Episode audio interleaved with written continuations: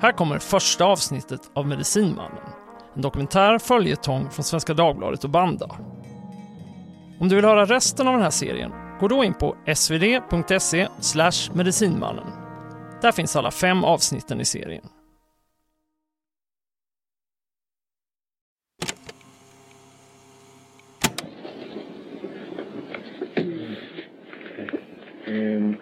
I en lägenhet i centrala Örebro sitter människor ur den svenska vegan- och new age-rörelsen ihopträngda på stolar.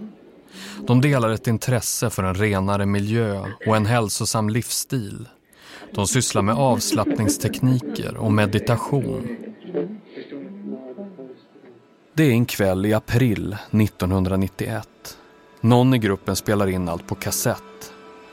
För det här är ett historiskt tillfälle.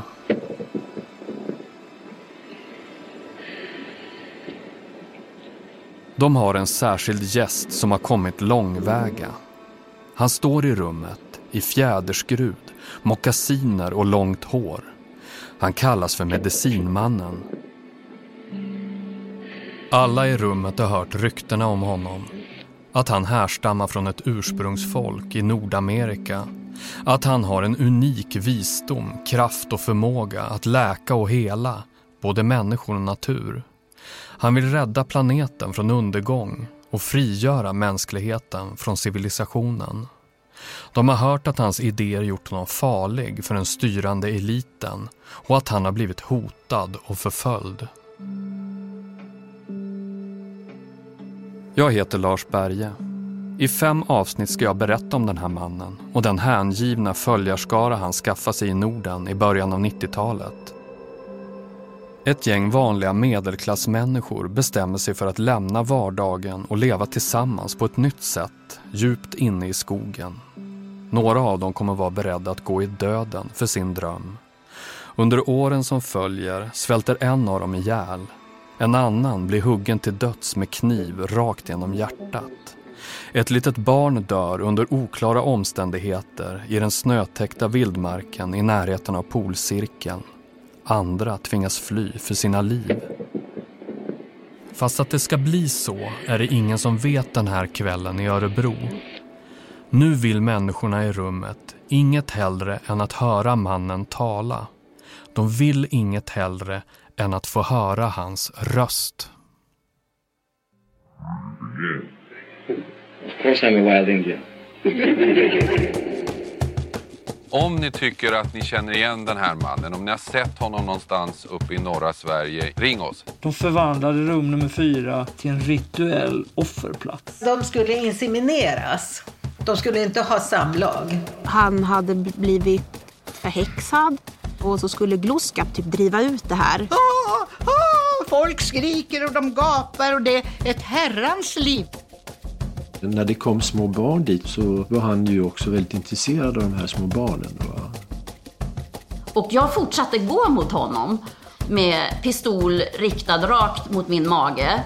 Och han sa, jag skjuter. Vi kan göra något. Vi ska, vi vill, vi törs.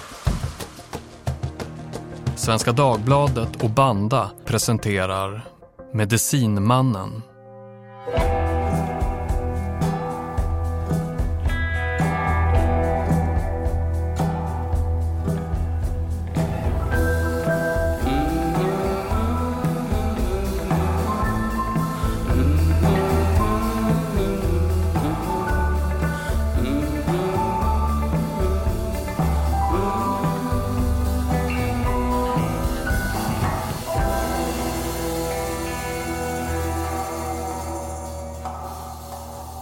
Avsnitt 1. Undergången är nära. Jag åker här på väg 331 i riktning mot eh, Sollefteå. Jag mötte precis fyra stora timmerlass lastbilar. Jag är journalist och författare. I över 20 år har jag skrivit böcker och längre reportage i Svenska Dagbladet om saker som fascinerar mig. Det kan vara rätt udda grejer. En liten by vid nedre Dalälven som blir invaderad av enorma myggsvärmar. Eller några skåningar som dedikerat sina liv åt att hitta en förrymd colombiansk agilityhund. Men på sistone har jag haft lite svårt att engagera mig i sånt där. För vad spelar en bortsprungen hund för roll när hela världen kan gå under? Okej, vi har svängt in här på en smal, smal skogsväg. Och nu är frågan... Är det här det är? Det sägs att vi befinner oss i den sjätte utrotningsfasen. Fåglar, insekter och däggdjur dör ut i en rasande takt. Fortsätter vi människor som nu riskerar vi att till och med utrota oss själva. Vi vet att vi måste förändra vårt sätt att leva. Ändå fortsätter vi att överkonsumera och att jaga pengar och status fast vi vet att det gör oss olyckliga och tomma inombords.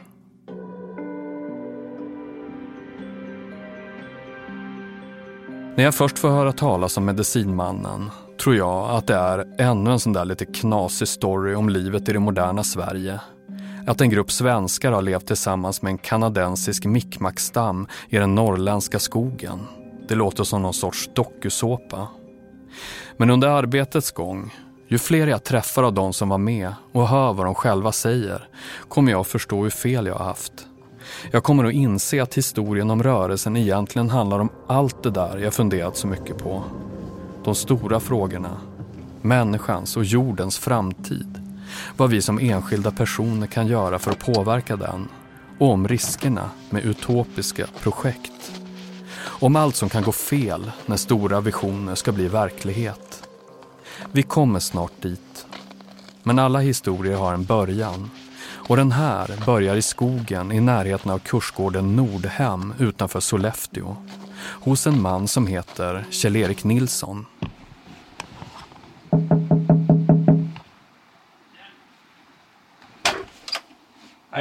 Jag kommit rätt? Kjell-Erik? Ja, han kommer här. Tjenare! Tjenare! Kom in. Ja, tack. För... Ja, tack så mycket. Kjell-Erik är strax över 70, men han ser yngre ut. Han är senig som en maratonlöpare. Oj! På vardagsrumsbordet ligger högar av färgbilder från 1991. Tiden när medicinmannen och hans folk lever i det vidsträckta skogslandskapet här utanför. Vad spännande. Jag ska ta av mig eh, mina kläder. Här har det liksom dukat upp lite... Oj, jäklar. Här, det här ser ju väldigt eh, urbefolkningsaktigt ut alltså. På flera av bilderna förekommer medicinmannen. Eller man som han tydligen ofta kallades. Man som i människa. Fast egentligen, berättar Kjell-Erik, var det inte tillåtet att fotografera honom. Otroliga bilder. Och här kan man se att... Är det man där som... Ja, det, det är man. Ja. Han, det är någon som sätter på honom fjäderskruden där. ja. De klädde sig i indiankläder och eh, levde ett, eh, ett uteliv i, i tälten. Förresten, jag kommer försöka undvika att använda ordet indian i den här serien. Ordet förekommer visserligen i gamla radio och tv-inslag vi kommer spela upp och flera jag intervjuar pratar om indianer. De menar inget illa med det, men idag anser många att det är en olämplig beskrivning av de amerikanska urbefolkningarna.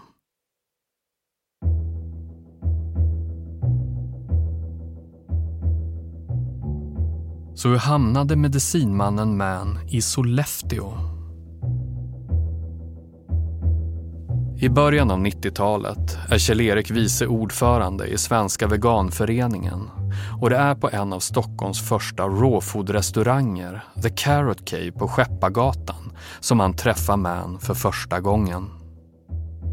Han hade varit i Stockholm, han hade varit i Sverige och eh, letat vänliga människor. och eh, man fängslades ju direkt av eh, hans aria. Han trollband all. Och eh, han pratade ju en utmärkt engelska. Han pratade ju väldigt många språk. Eh, och svenska lärde han sig väldigt snabbt. Inte så att han pratade svenska, men eh, han förstod vad man sa och sånt där.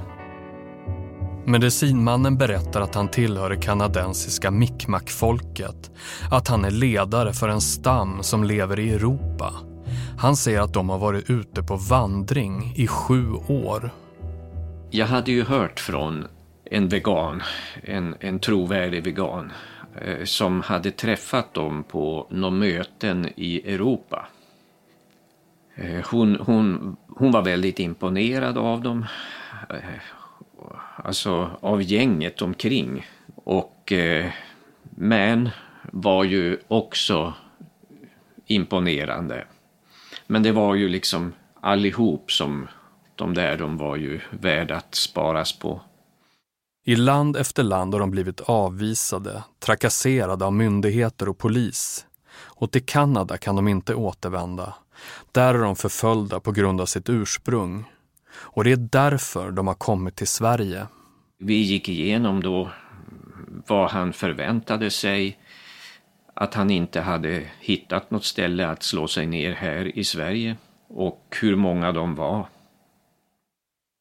Mötet varar inte mer än 20 minuter. Det är allt som behövs för att Kjell-Erik ska uppslukas av medicinmannens vision.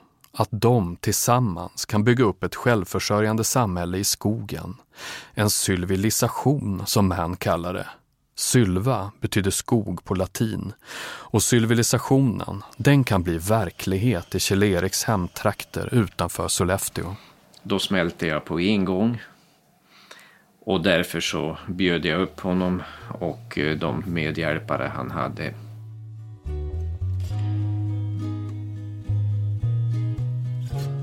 I mars 1991 anlände medicinmannen och hans 50-talet följare i en buss. En skogsägare som Kjell-Erik känner upplåter mark intill Faxälven. Fortfarande ligger snö på marken, det är sen vinter. Mickmackstammen slår upp sina stora tält i skogen. De hugger ved, gör upp eld, hämtar vatten och när snön smälter samlar de in mat från skogens skafferi. Rallarros, nässlor och bär. Det är början på något nytt, något stort.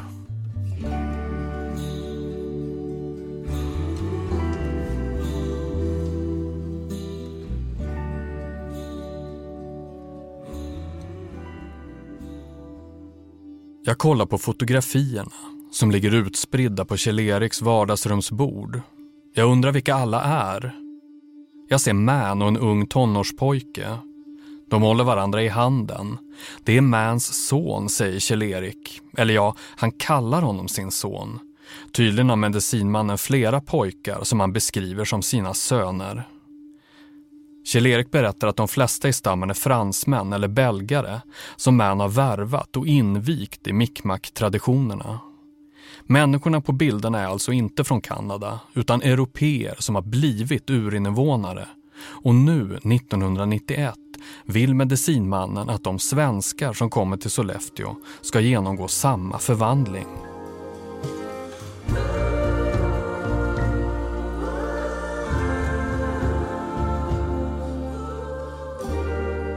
Den våren åker Kjell-Erik, Man och två av hans närmaste medhjälpare till Örebro. De ska tala på ett möte för människor som är intresserade av en alternativ livsstil. Som vi hörde i början finns det en inspelning från det här mötet.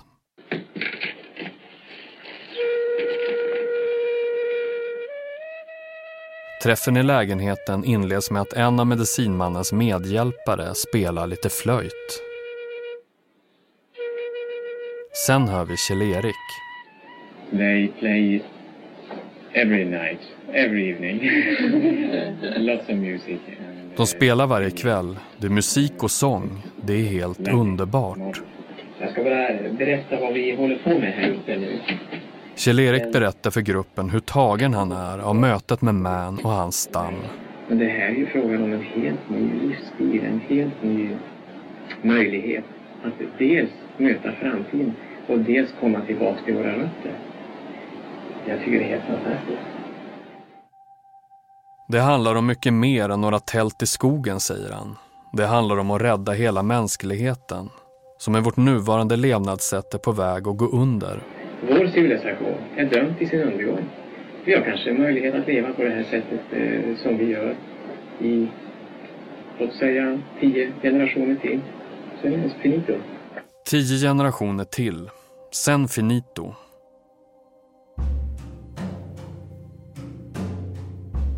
Men som tur är, är de några tappra själar som har bestämt sig för att ändra på det.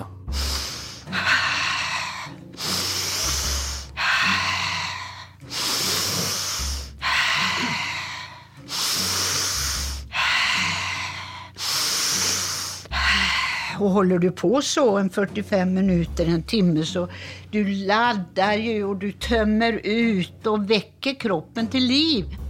Lena Kristina Tulse är psykolog och andningspedagog. Det betyder att hon håller kurser i frigörande andning. Så har du då någon återhållen, vad ska vi säga, rädsla eller smärta så kan det komma ut och ah, ah, folk skriker och de gapar och det är ett herrans liv. Hon ska komma att bli en av medicinmannens närmaste medarbetare under hans tid i Sverige. För vi skulle ju frigöra oss, för vi skulle frigöra hela världen. Lena Kristina är en välkänd person i new age-kretsar och en av de som arrangerar sammankomsten i Örebro. Hon minns fortfarande telefonsamtalet de får innan mötet i april 91. Det är Kjell-Erik som ringer. Då fick vi ett telefonsamtal från veganrörelsen som frågade om vi kunde tänka oss att bjuda in en indianhövding.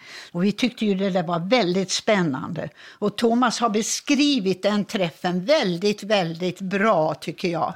Så, så egentligen skulle du läsa det. Jo, Jo, Ja, ja. kom igen. läsa? Ja, ja, ja, ja. Okej.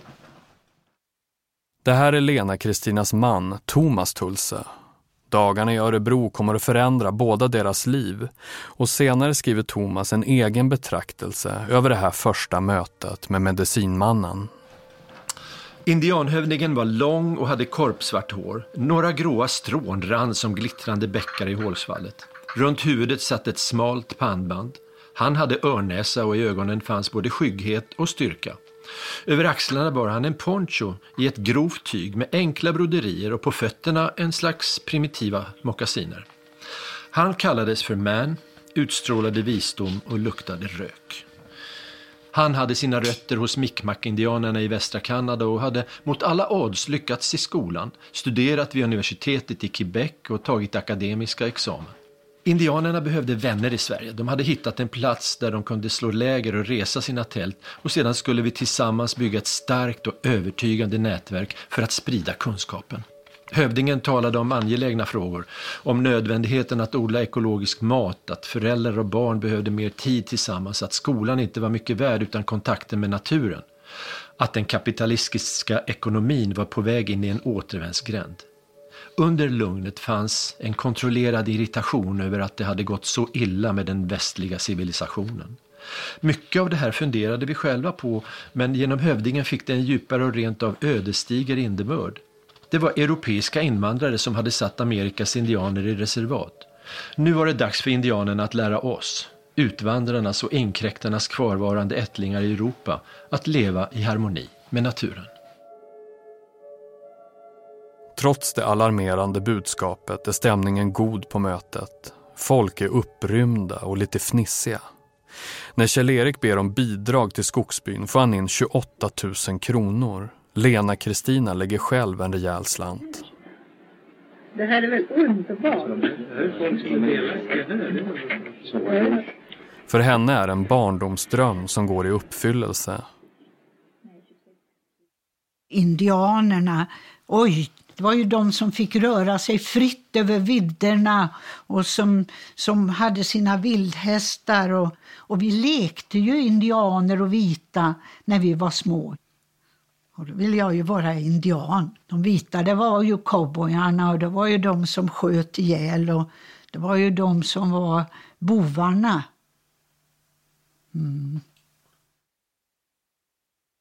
De insamlade pengarna hjälper till att bygga upp tältbyn som får namnet Kogugvin och allt fler svenskar börjar söka sig dit. Jag var sex år. Och ja, vi satt i en bil och det tar ju ganska många timmar att köra upp till, ja det är ju ganska många mil. Och jag kommer ihåg att jag ställde frågan. Så här, finns det några barn att leka med? Finns det några barn att leka med? Det här är Nicole.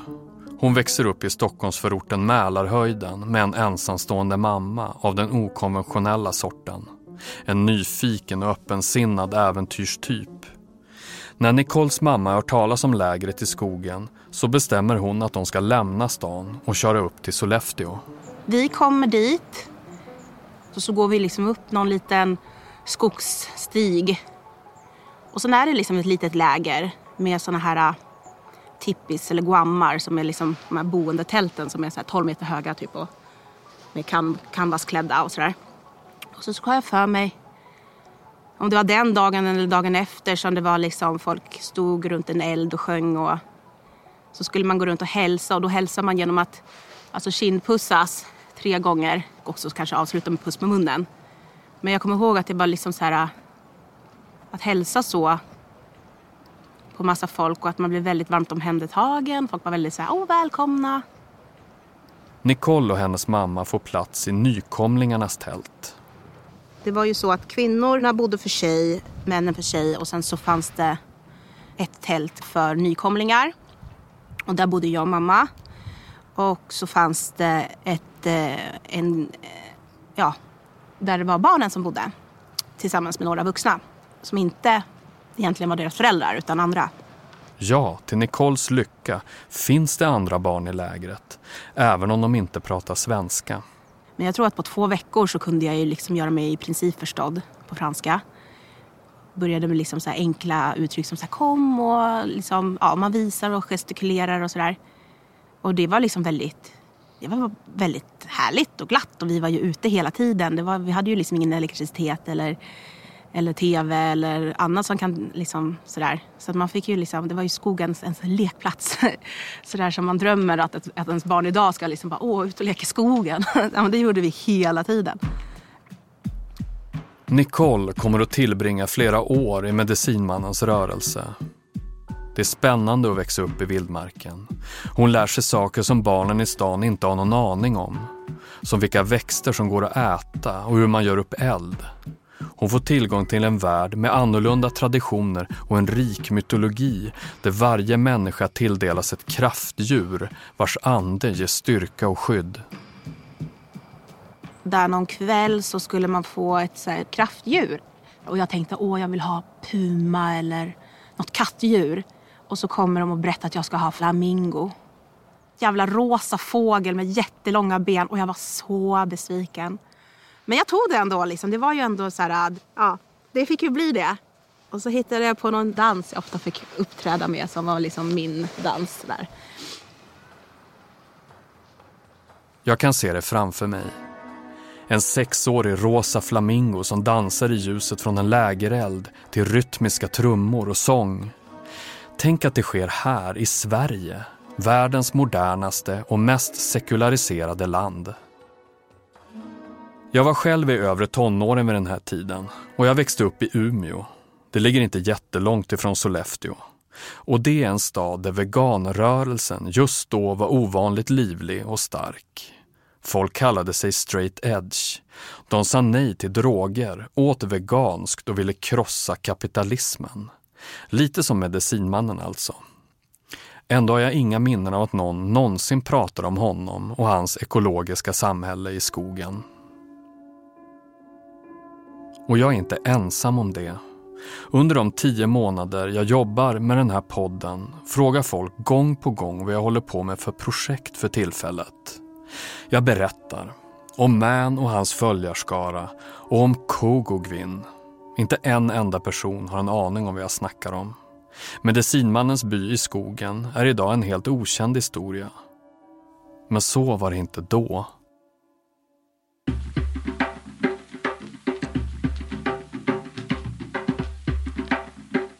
Här är trummor som man kan höra i de ångermanländska skogarna just nu. Indiantrummor. Sveriges Radios reporter Cecilia Blomberg besöker tältbyn i början av sommaren 91. Sedan de första indianerna kom hit i mars har en indianby börjat ta form och mitt inne i skogen reser sig flera guams indiantält upp mot himlen. Hon berättar att det bor ett tjugotal svenskar i lägret. De har bestämt sig för att leva som mickmack på prov i ett år och när det året är slut får de möjlighet att bli medlemmar i stammen. I inslaget intervjuas en av de som har kommit till Sollefteå. Hon heter Birgitta och har lämnat sitt jobb på SAS för att bo i skogen.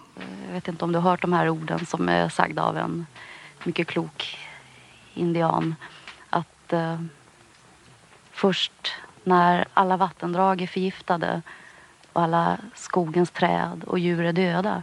Först då kommer den vite mannen att förstå att det inte går att äta pengar. Du funderar på att bo här en längre tid och lära dig mer?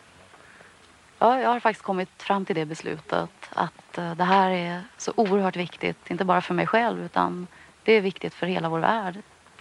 Jag känner mig oerhört tacksam över att dessa indianer har kommit till våra svenska skogar. För det är verkligen de som kommer hit och erbjuder oss någonting. Vi har egentligen inte så mycket att erbjuda dem mer än våra sjuka skogar, vår sjuka jord. Och de kommer hit och erbjuder oss ett tillfrisknande. Planerna är storslagna. I radion och i tidningsartiklar berättas att Mikmakstammen vill starta ett så kallat livsuniversitet och en ekoby i samarbete med Sollefteå kommun. Rörelsen har även möten med skogsbolaget SCA. I radioreportaget intervjuas företagets kommunikationschef Björn Lyngfelt. Vi diskuterade ju en del möjligheter och de förklarade att de var intresserade av att bedriva vad de kallade forskning på ett ganska stort område SCA-mark. 100 000 hektar, det är nästan all SCA-skog i hela Ådalen. Vad, vad tror du om deras sätt att bota sjuka träd på? Ett sätt som de eh, talade om att bota sjuka träd, det var ju att spela musik för dem. Det har jag ganska svårt att tro på. Däremot hörde jag några av de yngre indianerna säga att ja, vi vet ju inte så säkert om det här liksom har någon direkt effekt på trädet, men det är ju mycket trevligare att vara i skogen om man har musik. Och det kan jag förstå.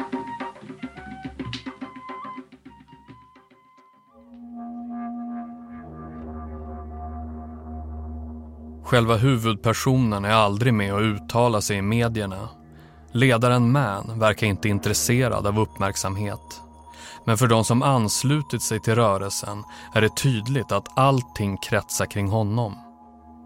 Det här var ju en, en världsledare av stora mått. Jag hade ju nästan tankar att det här var ju en ny, nästan Nelson Mandela. Andningspedagogen Lena Kristina besöker lägret många gånger. Hon lägger ner mycket tid och skänker massor av pengar till rörelsen. Hennes make Thomas är kanske inte lika entusiastisk. Och vid något tillfälle så kommer Lena Kristina och säger Jag vill också ha ett indianbarn. Med hövdingar. Okej, okay, så Du vet att varje, varje barn behöver mamma och en pappa, så.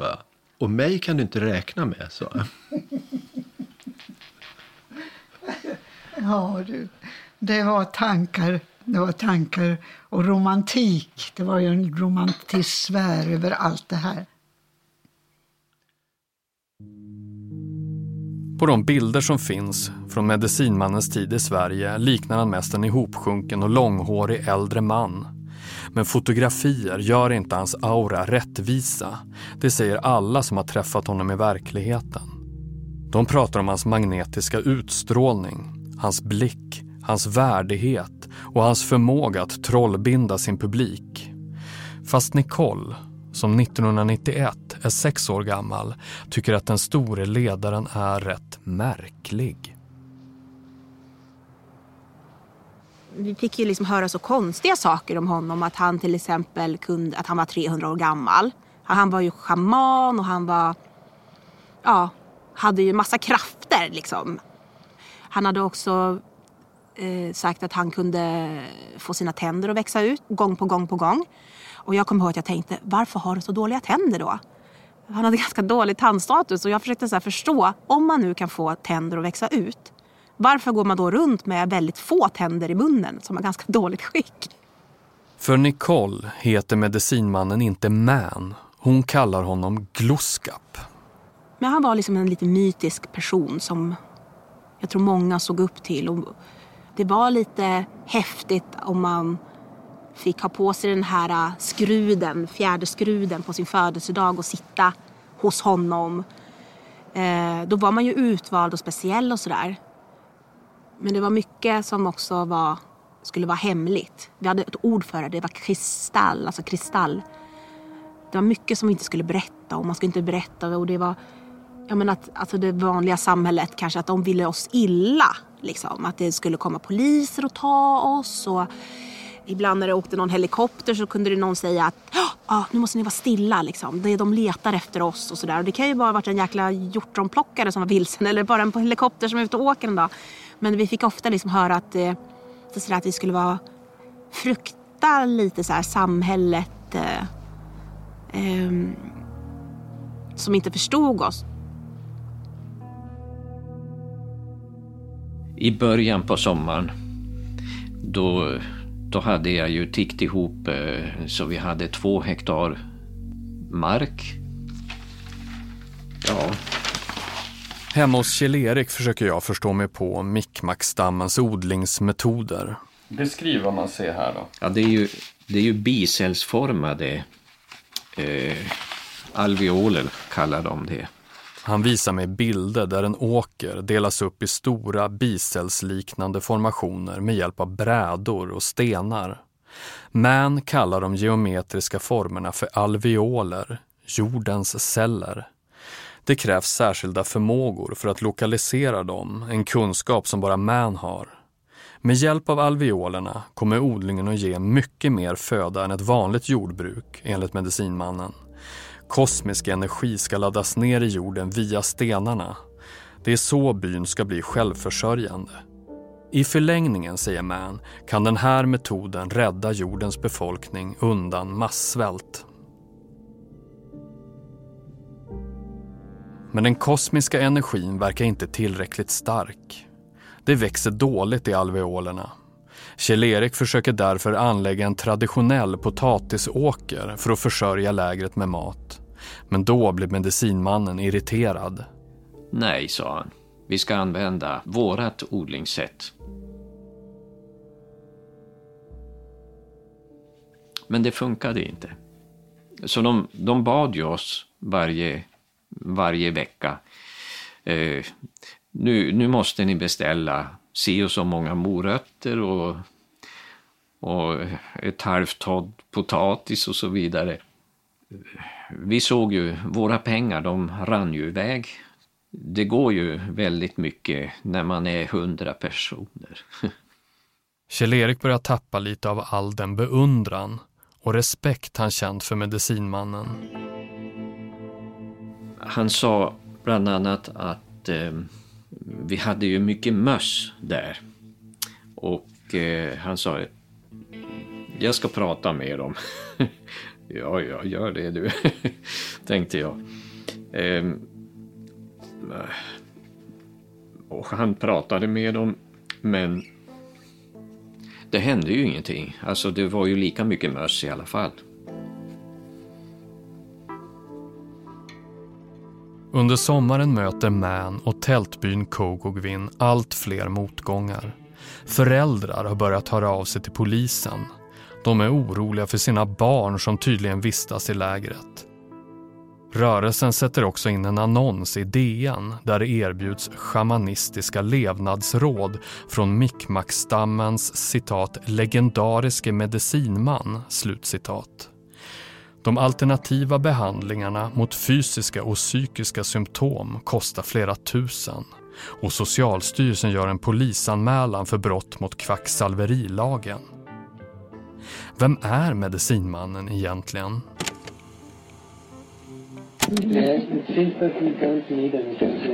Kassetten från mötet i Örebro har legat bortglömd i en låda i 30 år. Så vitt jag vet är det den enda ljudinspelningen som finns med Man från hans tid i Sverige. Well, I think I must say that your welcome is uh, almost a shock. När inspelningen görs har Man varit i Sverige ett par månader. Han är nästan chockad, säger han, över det varma mottagandet han fått. And since then I've been uh, discovering all Indians are not red. Är det något jag har lärt mig under min tid här så är det att indianer inte behöver vara röda. Some of them have long blonde hair, nice blue eyes, De kan vara blonda, blåögda och prata svenska. and they speak different languages. Han berättar om sitt folk, om deras kunskaper som är tusentals år gamla. Kan han bevisa det? frågar han retoriskt. Han svarar själv. Det spelar ingen roll. I may be shocking, but I will confess that I am not at all interested in truth. Alla de som har försökt utrota mitt folk genom historien, de har haft sina egna sanningar, säger Mann. Och därför är jag ointresserad av sanning. Sen säger Mann något som får mig att haja till. Han säger att han är en jailbird. Att han har suttit i fängelse 19 gånger. I have been in jail many times. I'm very. I should wear feathers tonight because I'm a jailbird. and uh, I've been in jail for 19 times.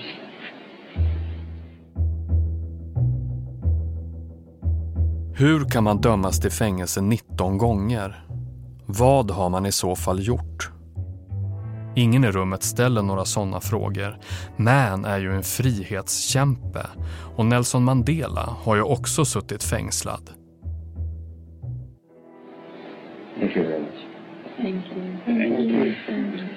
Mötet slutar med allsång. Kan vi inte sjunga det, det lever oss tillsammans istället? Det kan vi göra ibland. Det har jag på engelska.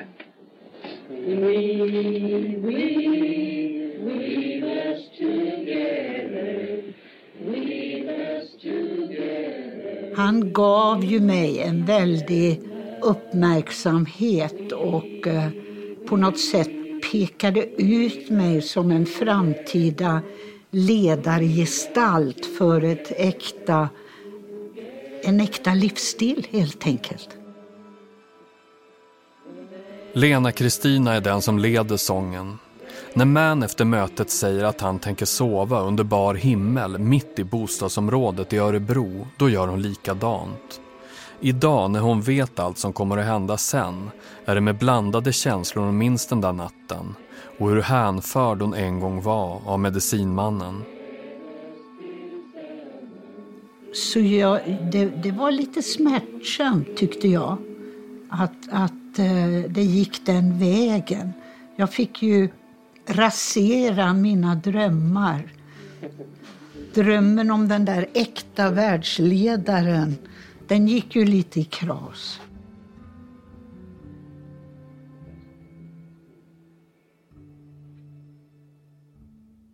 En dag, när Kjell-Erik kommer hem från en resa, är Man och hans anhängare plötsligt försvunna.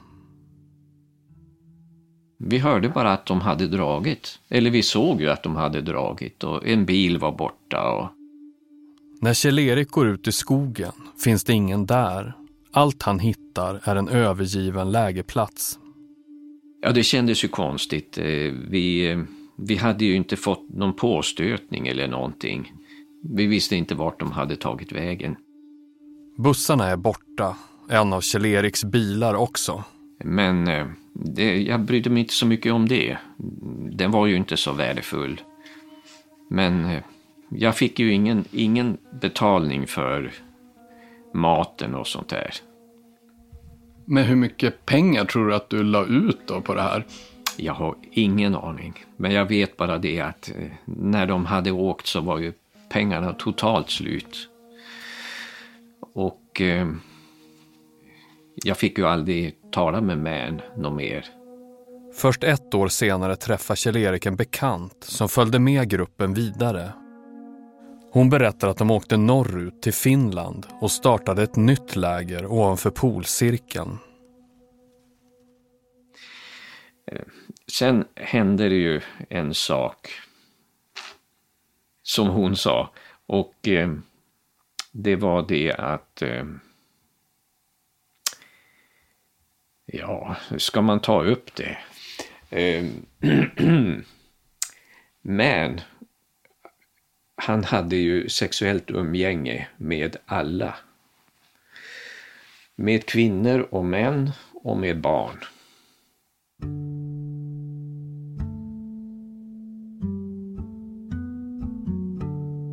Och det slutar inte där. Kvinnan som varit i Finland påstår att Man och rörelsen ska ha gjort något fruktansvärt. Eh, hon, hon berättade att eh, han hade en litet barn, fyra år tror jag, i tältet. Och sen skrek barnet väldigt högt. Men det här är ju bara som jag, jag har hört liksom. Och sen så kommer han ut med ett dött barn.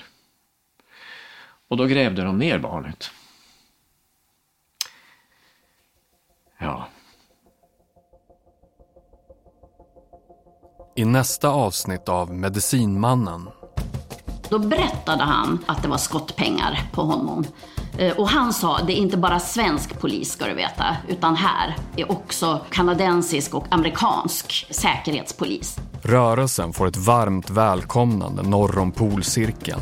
Det är något spännande som händer i de finska skogarna. Äntligen händer det något ungefär. Det är ingen som frågar sig, var kommer de ifrån? Hur, hur gick det här till? Och kan det där om Man och det döda barnet i tältet verkligen stämma? Det låter ju som att det skulle kunna vara en skröna liksom. Men, men eh, klart att, det, att vi måste kolla upp det.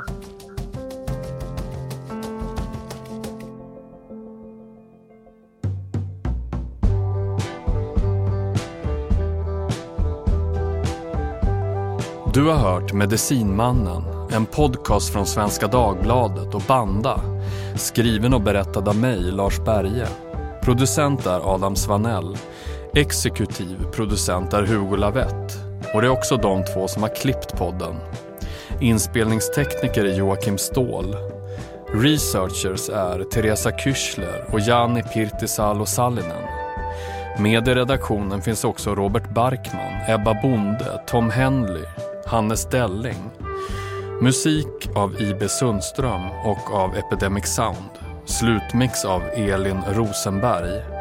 Arkivljud från Sveriges Radio. Ansvarig utgivare är Anna Kareborg.